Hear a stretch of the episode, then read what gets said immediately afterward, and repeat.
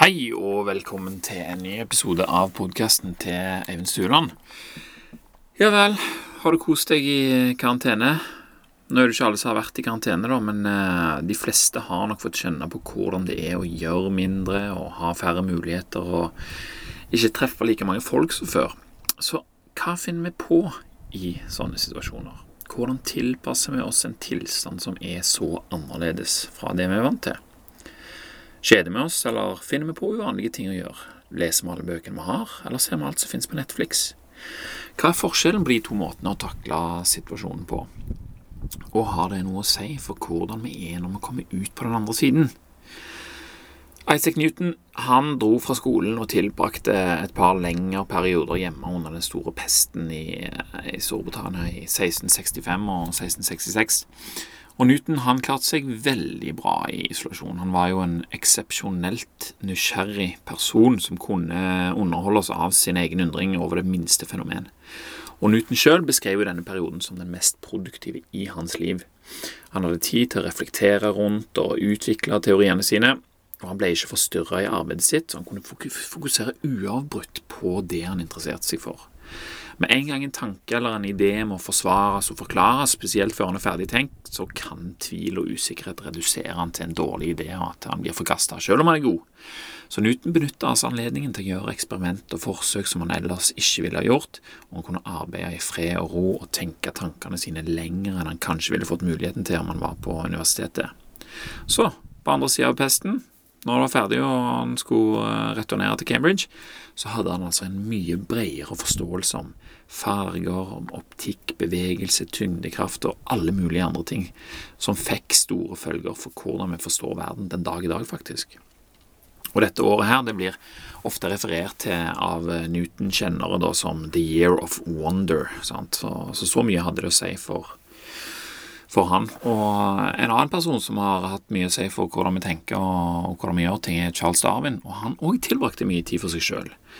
Men det var ikke noe pest eller pandemi som forårsaka det, det var heller hans egen kroniske dårlige helse, rett og slett. Han led av eh, bl.a. høydeskrekk og kramper og utmattethet og angst og synsforstyrrelser. Eh, litt av i suppe, men eh, i alle fall så skrev han i sin egen biografi at få personer har levd et mer tilbaketrukkent liv enn meg og min kone, meg og kona mi Emma. Foruten korte besøk til venner og kjente og en eller annen tur til kysten eller andre steder, har vi ikke dratt noe sted det hørtes jo veldig ja, kjedelig ut og sånt òg, men? Altså, vi vet jo veldig godt hvem Charles Darwin er. Og han fikk seg i det minste en veldig god tur med, med HMS Beagle da, før han slo seg til ro. Og Darwin mente at perioder med isolasjon og dårlig helse hjalp karrieren hans. For hjemme trengte han ikke ta hensyn til plikter som undervisning og administrativt arbeid, som vanligvis reduserer kapasiteten til forskere. Selv om den dårlige helsen min har visket ut flere år av livet mitt, så har han òg redda meg fra samfunnets underholdning og distraksjoner. Sant? Så det er, jo, det er jo i begge disse tilfellene måten du ser eh, situasjonen på i forhold til deg sjøl, som, eh, som, avgjør eh, hvor godt du utnytter den. Og så er det jo òg samtidig at det Det blir lett å se på det Eh, i etterkant, når, når, du virkelig har fått noe til. Darwin. Og Darwin han hadde åpenbart en tanke om at arbeidet han gjorde, var viktigere enn denne underholdningen og disse distraksjonene som han da unngikk pga. helsa si. Og Hvis Darwin følte at han ble redda fra samfunnets underholdning og distraksjoner i den tida der, før både TV og radio, for ikke å snakke om internett, kom på banen, hvordan er dette her for oss? Ender vi med å bruke mer tid på unyttige ting enn vi liker, når vi plutselig får mer tid for oss sjøl? Og hva er det som kjennetegner tid til oss sjøl? Bruker man til å gjøre nyttige ting vi ellers ikke har tid og kapasitet til? Det er jo ofte det vi klager på. 'Nei, jeg har ikke tid', vet du. Eller 'Nei, det er så travelt, jeg får ikke gjort det'. Så når vi endelig får tid, gjør vi det da? Eller går den tida til mer av det unyttige vi allerede gjør? Og vi liker å gjøre unyttige ting, ellers hadde vi ikke gjort det, og det er en av grunnene til at det er vanskelig å unngå. Samtidig så blir det jo klart for oss at eh, det er ikke like givende å ha gjort noe unyttig. Sant vel? Altså Darwin skjønte jo at han hadde gjort noe veldig nyttig når han var mye hjemme. Men hvis han hadde gjort mye unyttig, så hadde det liksom eh, Da hadde det gjerne ikke vært like kult. Eh, og, og, like lett å, å gi, kaste et positivt lys over den eh, isolasjonen. Eh, men det er altså vanskelig, og det er det vi må forstå, at det er vanskelig. Og at det er krefter som skyver oss i retninger uh, i retning visse tendenser som vi mennesker har. da. Og Da snakker jeg ikke om en sånn ond verdensorden som vil kontrollere menneskeheten. Og det er mange som liker å bruke tid på det. Og det har det kommet òg, og iallfall i denne tida her, så kommer det folk og sier sånn Du, har du hørt at det, det er egentlig sånn og sånn, og bla, bla, bla.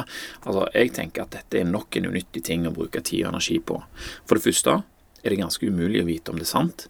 Og for det andre så kan vi ikke gjøre noe med det. Sånn, hva skulle du gjort med det? Men det vi kan gjøre noe med, det er våre egne tanker og våre egne handlinger, selv om det er vanskelig.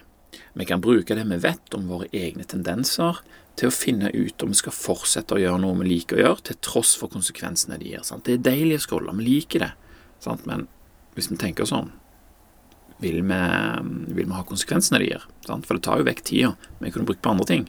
Hvis vi tenker over det, så kan det hende at vi finner ut at vi vil forsake noe av det vi liker, til fordel for andre aktiviteter som gir bedre konsekvenser. Og etter hvert så vil vi like å gjøre den nye tingen like mye som en hvilken som helst unyttig aktivitet som vi tar oss til fordi den gir oss det vi vil ha i nuet. Altså, vi vet at i lomma vår har vi noe som vi kan bare dra opp og få tida til å gå. Det vet vi. Har, og det er stort sett unyttig å gjøre det for, for livet vårt. Men vi kan like enkelt skaffe oss en eh, annen ting å ty til i sånne situasjoner som gir oss mer nytte. Og det vil få lange og store eh, positive konsekvenser for hvordan vi gjør ting videre. For vi liker å se på hva andre mennesker gjør, og hva de får til. Og vi sier ofte at det inspirerer oss. Sant? Ja, Instagram-kontoen min det er så inspirerende å se på alle disse tingene. Og det er alle tiders med inspirasjon, altså. Ingenting i veien med det. Men når skal denne inspirasjonen ende med handlinger som gir deg de resultatene som du tydeligvis da syns er så inspirerende å se at andre har? Sant? Det er handlingen som er viktig her. Inspirasjon det er òg viktig, men den har en tendens til å få mer fokus enn selve handlingen. Og jeg mistenker at det er fordi at inspirasjon ikke er en handling i seg sjøl.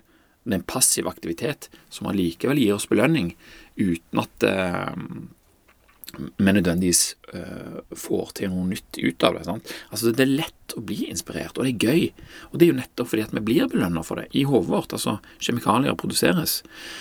Eh, og meningen bak det er jo at det skal motivere oss til handling. Sånn vel. Men om det ikke fører til handling, så har denne inspirasjonssaken her lett for å skli over til å bli nok en unyttig aktivitet vi kanskje skulle vært foruten. Tiden vi bruker på inspirasjon og, og rasjonalisere for oss sjøl at det er det vi gjør, og at vi har, har bruk for det, det er jo den samme tida vi kunne brukt på å gjøre noe som ga oss virkelige resultater for oss sjøl. Med en liten endring i tankegangen så kan du oppnå den samme deilige følelsen av å passivt følge med på andre og annet, bare at du i tillegg bygger din personlige evne til å få innsikt og oppdage nye muligheter. Og Tilegning av kunnskap og dagdrømming vil gjøre det mulig å oppdage og gripe muligheter vi ellers ikke ville vært i stand til å se å benytte oss av. Og Det er følelsen vi får av å oppdage disse mulighetene som er interessant her. Det er alltid noen som er villig til å gjøre mye over lang tid, sånn som Einstein og Darwin og Newton og Pasteur og alle disse her. Men hva får de igjen for det?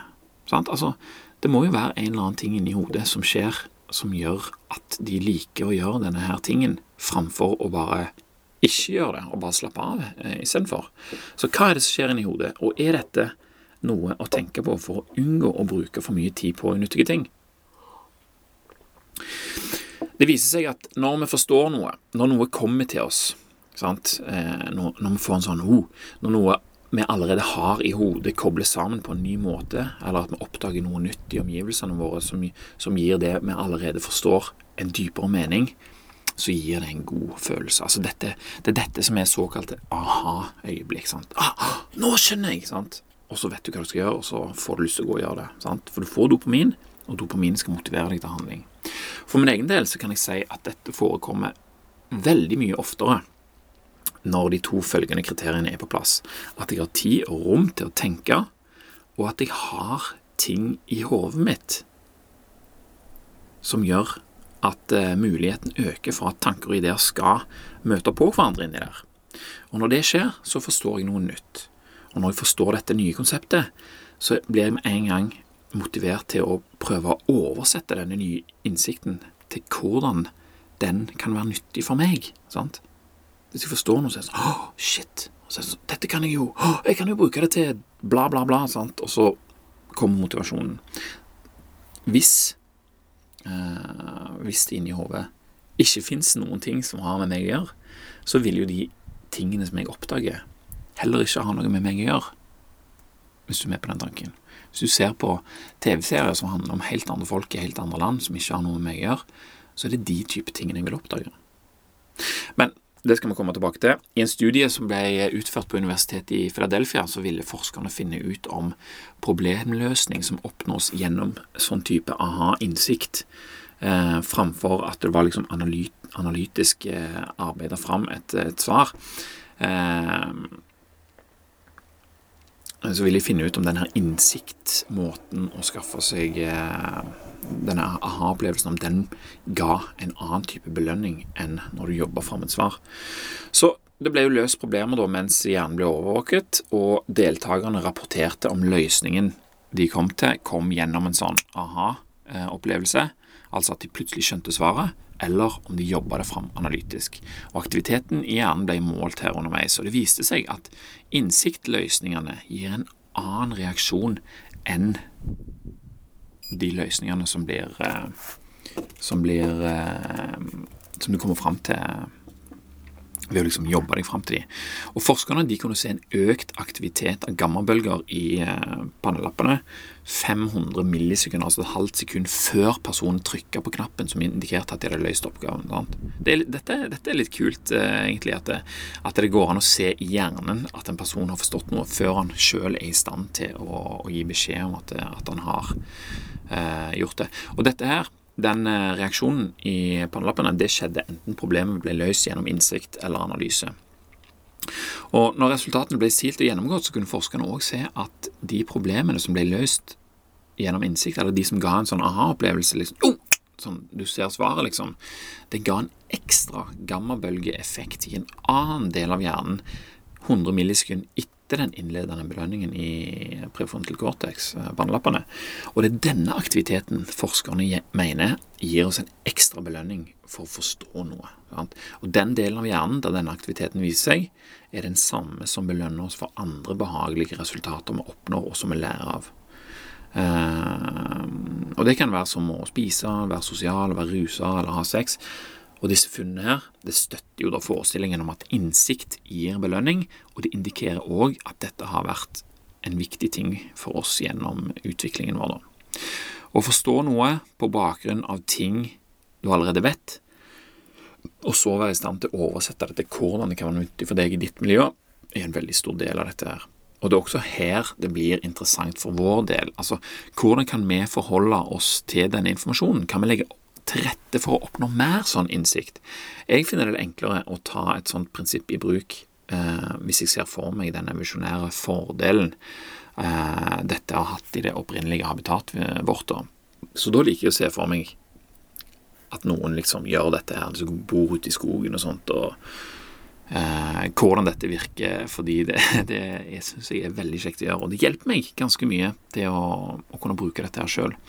For hvis vi ser for oss en jegersanker som er ute og går, han vet bare om det som befinner seg innenfor området han sjøl kan gå til, og det han kan se. Altså, han vet jo ingenting om noe annet som er bortenfor det området. Han det er ikke noe TV, det er ikke noe informasjon som kommer fra et annet land. eller noen ting. Det er kun der han har vært han vet noe om.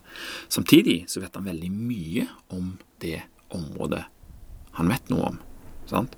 Når han ikke trenger å vite at det er opptøyer i andre land, og at hvordan virus sprer seg og alt mulig der, så kan han jo fokusere absolutt alt av sin oppmerksomhet på der han er fra. Han vet hva som vokser der, hva som lever der, hva for noen fenomen som oppstår, hvor og når, hva skogens lyder og vindens retning vil si, sant? og han er alltid nysgjerrig og interessert i å finne ut hva sånne endringer betyr for han sjøl og gruppa si. Like nysgjerrig som vi er når vi hører at eh, mobilen vår lager en lyd. Så sånn, oh, hva er dette for noe, liksom? Sant? Eh, I naturen så er det jo da først med skepsis sant, for å finne ut om noe er farlig, Og hvis det blir da utelukka, så er det nysgjerrigheten som eh, tar overhånd. Og hvis han her oppdager noe nytt med en potensiell fordel, så er det noe han forteller de andre rundt bålet om kvelden, eller med en gang han kommer hjem. Og de andre i gruppa som han lever med, de vet jo nøyaktig like mye om området de lever i, som han sjøl gjør. Og det gjør det veldig lett for denne karen her, la oss kalle han Øystein, å forklare sin egen oppfatning av det han har oppdaga, sånn at det oppfattes på en veldig lik måte fordi en forteller det til. Sant? Vi var flokkdyr, vi er jo ennå det, da, men uh, i den tida praktiserte vi det på en helt annen måte. Det var en veldig stor fordel for oss, for gruppa, det var på en måte som en enhet, om alle visste det samme.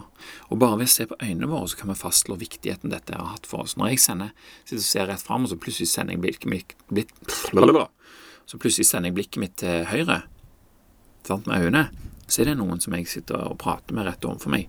De kan lett få med seg det at jeg kikker den andre veien.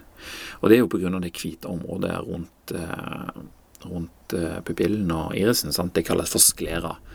Eh, hos oss er det en hvit. Sjimpanseren er òg flokkdyr, men de har ikke utvikla den samme evnen til samarbeid som vi har. De har rett og slett ikke kommet lenger enn at det fremdeles er viktigere å holde en oppdagelse som kan gi fordeler, for seg sjøl. Sklera på sjimpanser den er brun, og de gjør det veldig vanskelig å se hvor de har blikket sitt. Sant? Du kan bare se hvor, hvor ansiktet deres peker, men de er jo like mye i stand til å bevege øynene sine som, som våre. Men det er mye vanskeligere å se eh, hvor de kaster blikket, mens vi kan kaste blikket hvor som helst. Alle skjønner hvor vi, hvor vi ser, og vil da selvfølgelig, hvis det er noen jeg snakker med, sitter rett overfor meg, og jeg liksom kikker til høyre hele veien uten å si at jeg ser på noe, så vil han til slutt spørre hva er det du ser på, eller snu seg sjøl og se hva det er sånn at vi plutselig vet det samme. Eh, så skal vi se, hvor var vi her? Så, Øystein, ja. Han er ute og går, og hva er det han har oppdaget, da? Bak en haug der borte, der det vanligvis ikke fins eh, noen ting av interesse, så har han oppdaga en attraktiv ressurs. En spesiell stein, kanskje, som de vet, altså han vet at de kan lage håndøkser av. Han vet allerede at god stein til å lage håndøkser av ikke fins i dette området. Og for å få tak i det, så har de måttet dra til en helt annen del av habitatet sitt. Han vet òg at det er veldig langt dit, og at øksene de har er verdifulle nettopp pga. at det er langt å gå for å finne den steinen, og de må krysse områder der de kan risikere å møte på andre stammer for å komme dit, og, og det er ikke uten risiko. Og når de først har fått tak i steinen, så er det krevende å bearbeide den og gjøre den om til nyttige verktøy. Sant? Så selv om, men selv om det er vanskelig, krevende og farlig å få tak i disse steinene, så gjør de det de må for å få tak i dem. De det gjør det usigelig mye lettere å både fange dyr og bearbeide kjøttet og skinnet etterpå. Sant? Du kan jo se for deg hva, hva, de skulle gjort, hva, hva vi sjøl skulle gjort med en død sau hvis vi ikke hadde økser og kniver og annet utstyr for å dele den opp. Det, det, er ikke så lett å gjøre det med bare hendene. Så idet Øystein vandrer gjennom skogen, så kommer han da forbi et eh, tre som har velta, og på undersida av rota så er det avdekket et område av et berg. Og tror du ikke dette berget er den samme sorten de tidligere har reist langt og risikert liv og lemmer for å skaffe seg en bit av? Se for deg hvordan oppdagelsen oppleves for Øystein. Hva betydde det for han? Liksom, jeg, jeg, ser for meg at han uh, gjør store øyne og liksom bare uh, Og idet han gjør det, så vil han i hodet se for seg alt hva denne oppdagelsen har å si for hva de nå slapp å gjøre, hvor lett de ville få uh, det de trengte, og hvor glad de andre ville bli for å høre om den oppdagelsen. Sant? Og det er jo klart at de som har blitt belønna for sånne oppdagelser i sitt eget miljø, og som har klart å handle på bakgrunn av disse oppdagelsene, har gjort det veldig godt evolusjonært sett. Og Det er de som har fått sende sine tendenser videre. Og Det er derfor vi sitter med egenskapen fremdeles en dag i dag. Øystein var i stand til å forstå viktigheten dette funnet representerte, fordi han allerede hadde brei innsikt i hva som fantes der de pleide å bevege seg, og hva de måtte gjøre for å få tak i det som ikke befant seg der de var. Sant? Alle i stammen visste det minste ting om alt dette her. Altså, dette er jo bare noe sånn Som jeg sa først, dette er sånne ting som vi må se for oss for å få liksom uh, Det er jo ikke sikkert at det var sånn, men det er det vi ser for oss. Og grunnen er ganske enkelt at alt som kunne oppdages og forstås i miljøet de levde i, ville ha en eller annen effekt på hvor godt tilpassa de var nettopp det miljøet. Sant? Survival of the fittest. Tilpassing. Det er det det stort sett handler om eh, når vi tenker tilbake i tid. Sånn. Sånne egenskaper som det, de er kommet fordi at de som hadde de, klarte å tilpasse seg bedre. De, de, klarte å finne nye ting og skjønne hvordan den nye tingen kunne være en fordel for dem, og hvordan de skulle få det til. Eh, og De som gjorde det, de opparbeidet seg en bedre fitness enn de som ikke gjorde det. Uten at Øystein visste hva som allerede fantes, og hva som ikke fantes i dette området, her, uten å vite hva som krevdes for å få tak i noe, eller hva de måtte gjøre om de ikke fikk tak i det de trengte, så ville jo ikke han vært i like god stand til å forstå viktigheten av det som lå under det treet. Da vil jo han kanskje gjøre sånn som jeg gjør når jeg går forbi et veltertre. Bare kikker på det og tenker sånn, å, det er et veltertre, her må det ha blåst. Så går jeg videre uten å skjønne at det kanskje kan være noe viktig eh, som ligger under der, som kan komme til nytte i min overlevelse.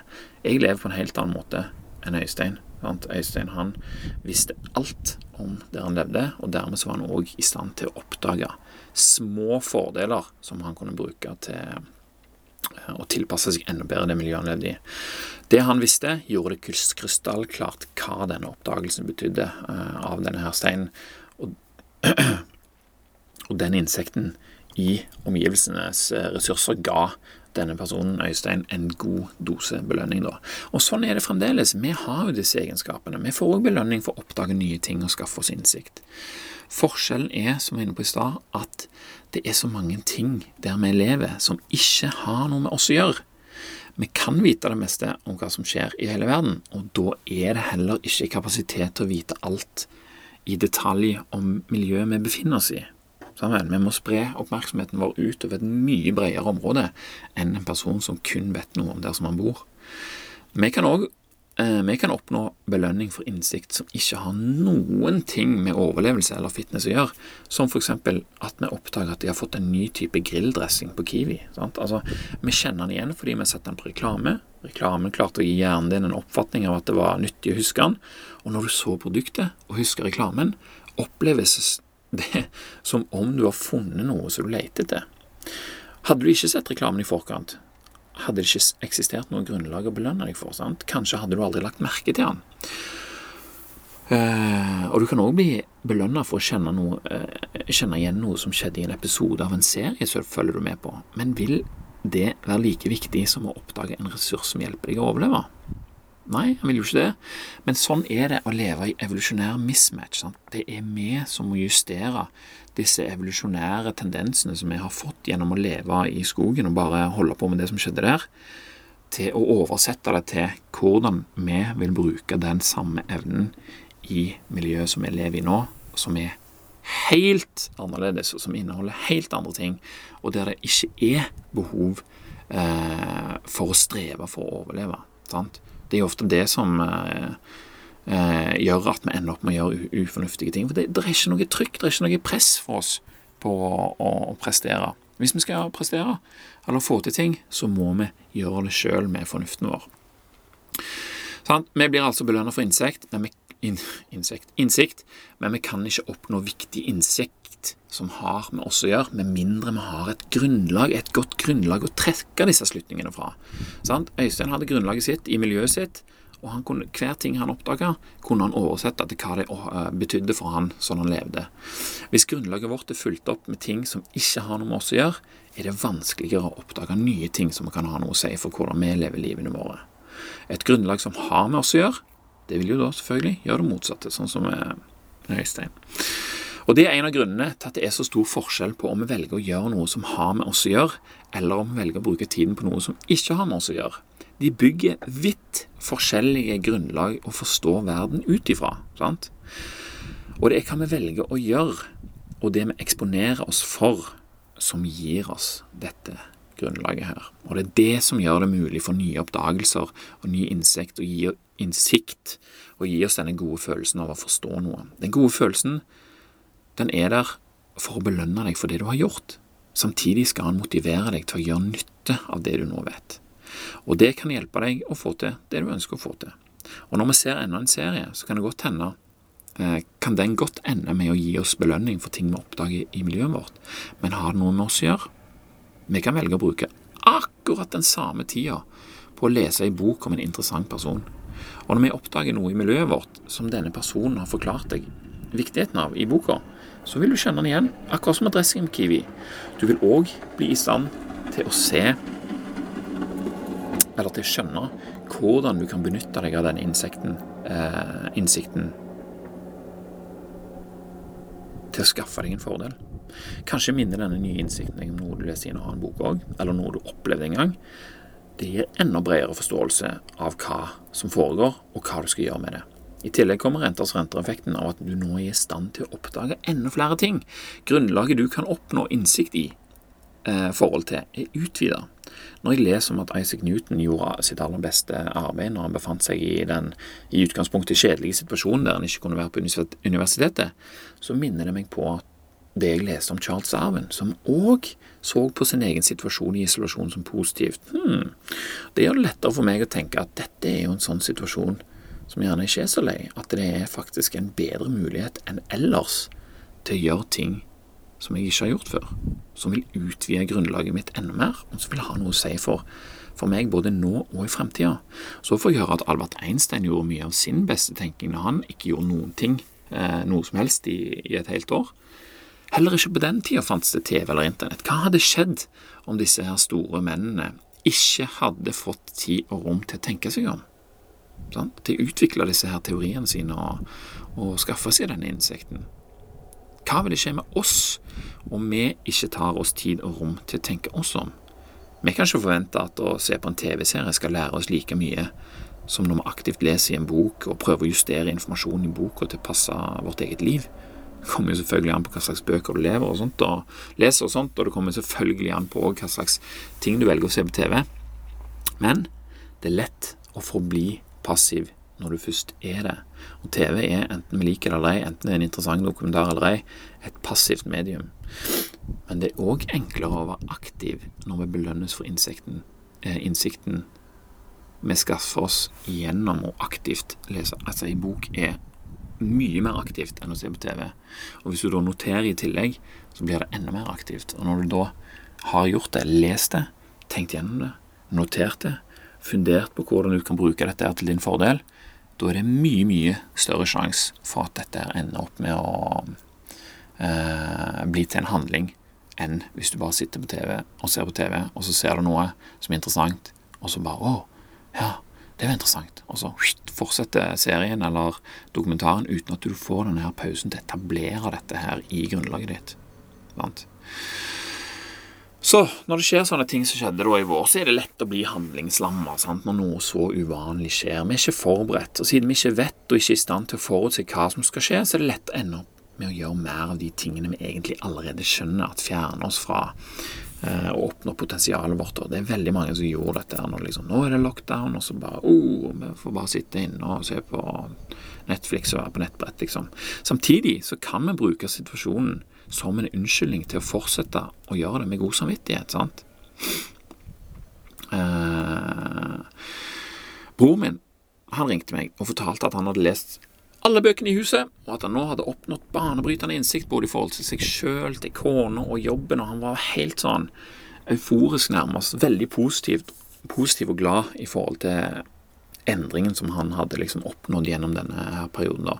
Og Samtidig så fortalte han om andre som han hadde snakket med, andre kompiser.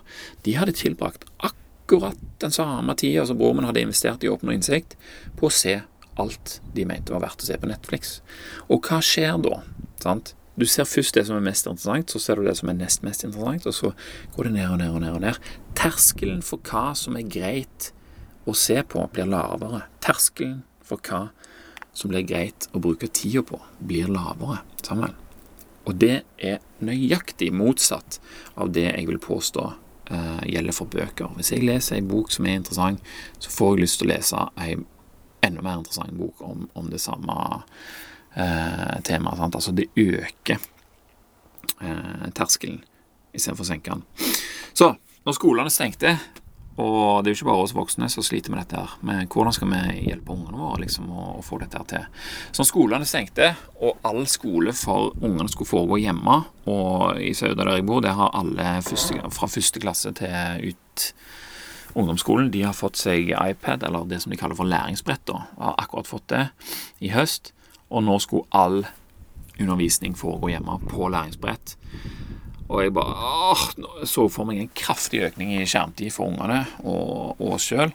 Og dette var liksom akkurat måneden, En eller to måneder før så hadde vi i FAU eh, på skolen der hatt en psykolog på besøk for å snakke om følgene av overdreven skjermbruk. skjermbruk. Jeg bare, ah, shit, det gikk det i vasken, liksom. Tenkte, eh, det var det jeg tenkte først. Men så tenkte jeg på en ting som jeg leste en annen gang. Uh, og det var at det er ikke skolen som har ansvaret for utdannelsen til ungene våre. Eller det er iallfall ikke deres ansvar å tilpasse utdanningen til hva vi mener er rett. Hvis vi mener det mangler noe i utdannelsen til ungene våre, så er det jo vår oppgave å fylle på med det vi mener mangler.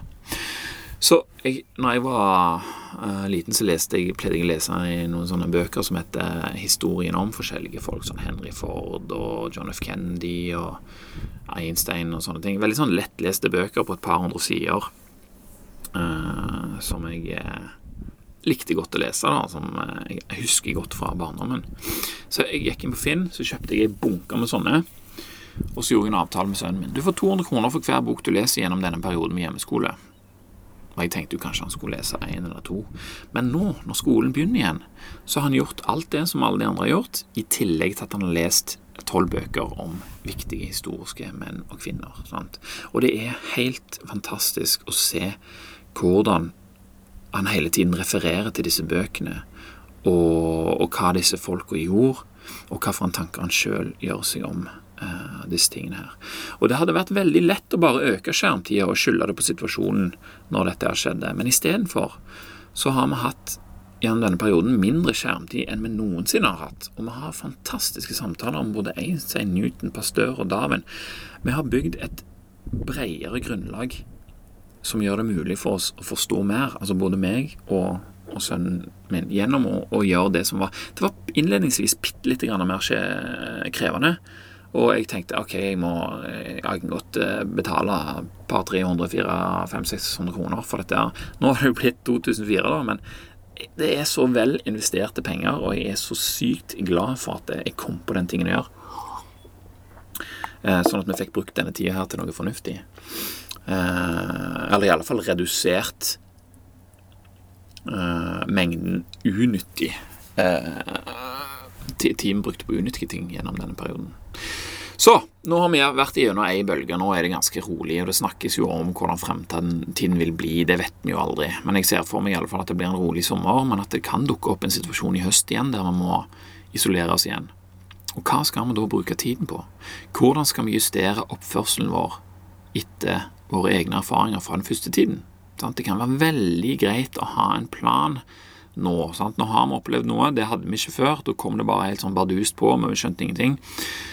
Men det kan være veldig greit å ha en liten plan. Selv om den aldri blir brukt, så kan det være allikevel eh, positivt å ha lagd en plan og gjort seg noen tanker om dette. her. For vi utvider grunnlaget vårt ved å tenke over det òg.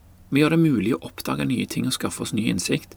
Og det kan òg hende at eh, det ikke skjer, at vi ikke får bruk for det.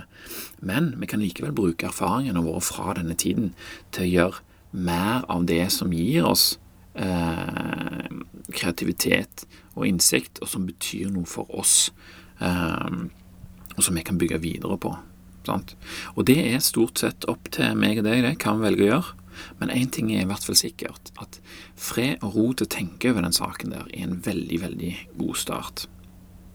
Så det er min klare anbefaling i dag. Det er å finne litt fred og ro, tenke over hva du har lyst til å bruke tid på, og så blir det lettere å gjøre nettopp det.